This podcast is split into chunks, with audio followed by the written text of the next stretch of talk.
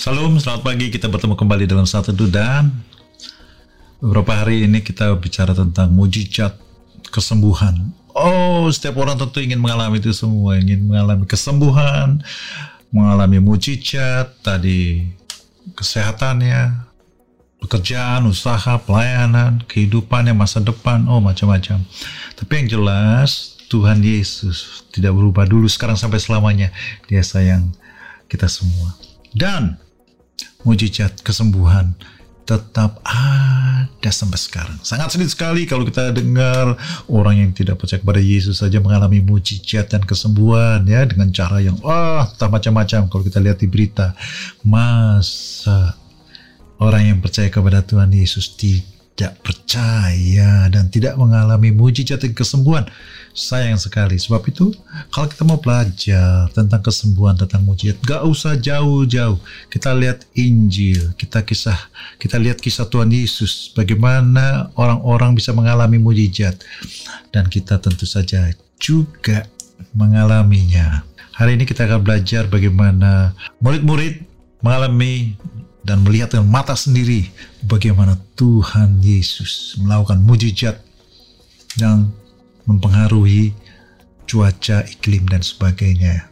Di Markus 4 ada kisah tentang murid-murid bersama Tuhan Yesus menyeberangi danau Galilea dan pada saat itu ada angin topan dan luar biasa sekali sampai ombak pun menyembur-nyembur masuk ke dalam perahu dan perahunya sudah hampir penuh dengan air. Murid-murid tentu saja takut, sementara itu Tuhan Yesus masih saja berbaring di buritan. Di Markus 4 dikatakan di ayat 38, pada waktu itu Yesus sedang tidur di buritan di sebuah tilam. Habis capek melayani, Tuhan Yesus perlu. Amin. Maka murid-muridnya membangunkan dia dan berkata kepadanya, Guru, engkau tidak peduli kalau kita binasa. Ini konteksnya sangat bagus sekali untuk kita semua bahwa banyak orang berpikir Tuhan Yesus tidak peduli. Mungkin ada yang sedang sakit parah, mungkin sedang dalam krisis perekonomian yang sangat berat, ada masalah rumah tangga yang begitu tidak tertahankan lagi. Masalah pribadi, masalah emosi, masalah kejiwaan yang tidak kuat lagi ditanggung. Dan banyak orang berpikir Tuhan tidak peduli. Banyak orang berpikir kita menjalani dan menanggung sendiri beban yang rasanya kita sudah tidak kuat lagi. Ada berita baik yang kita perlu tahu, ya Tuhan peduli. Tapi memang seperti kebanyakan orang, bahkan murid-murid Tuhan Yesus yang sudah ber bulan-bulan mungkin bertahun ya mengikuti Tuhan Yesus melayani menyembuhkan melakukan mujizat berbuat baik murid-murid ini masih saja bisa berpikir bahwa tiha, Tuhan tidak peduli. Sebab itu di perahu ketika sedang panik dia membang, mereka membangunkan Tuhan Yesus, guru engkau tidak peduli ya? Jadi itu kadang-kadang suatu pertanyaan yang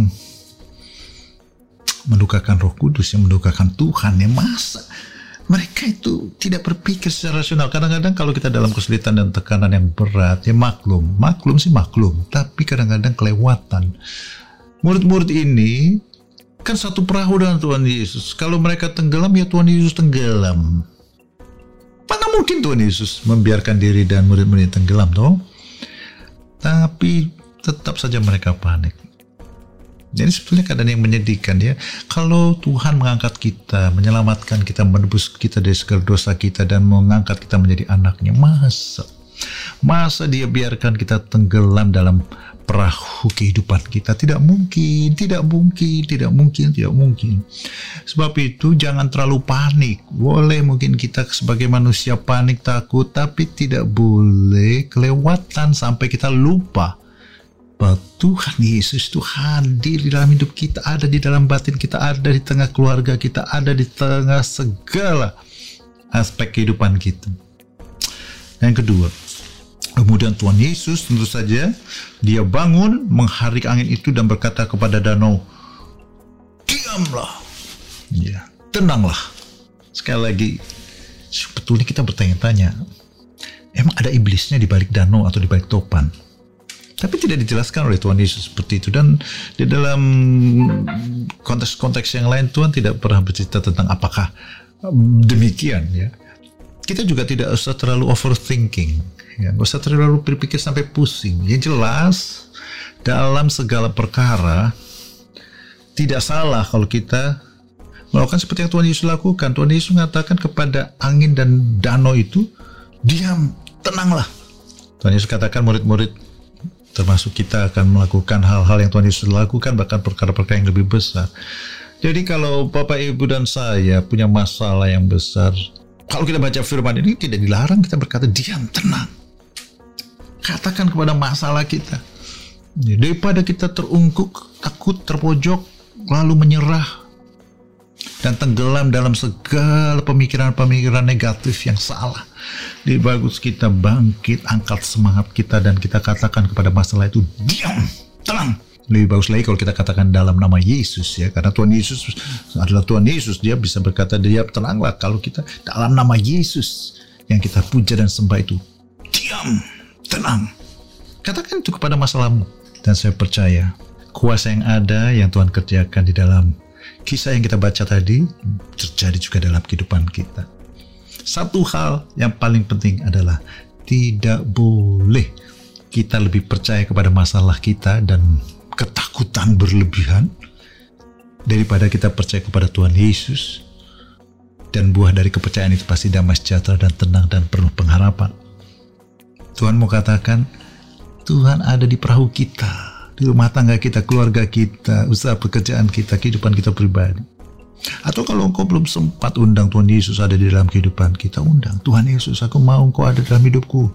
Aku tidak mau mengarungi lautan kehidupan sendirian. Katakan itu dengan sederhana, tapi dengan sungguh-sungguh maka Tuhan akan hadir dalam batinmu, dalam hidupmu. Dan kalau Tuhan hadir di perahu kita, dalam perahu kehidupan kita, tidak ada yang perlu kita takuti. Karena tidak mungkin Tuhan membiarkan perahu yang dia naiki tenggelam. Haleluya.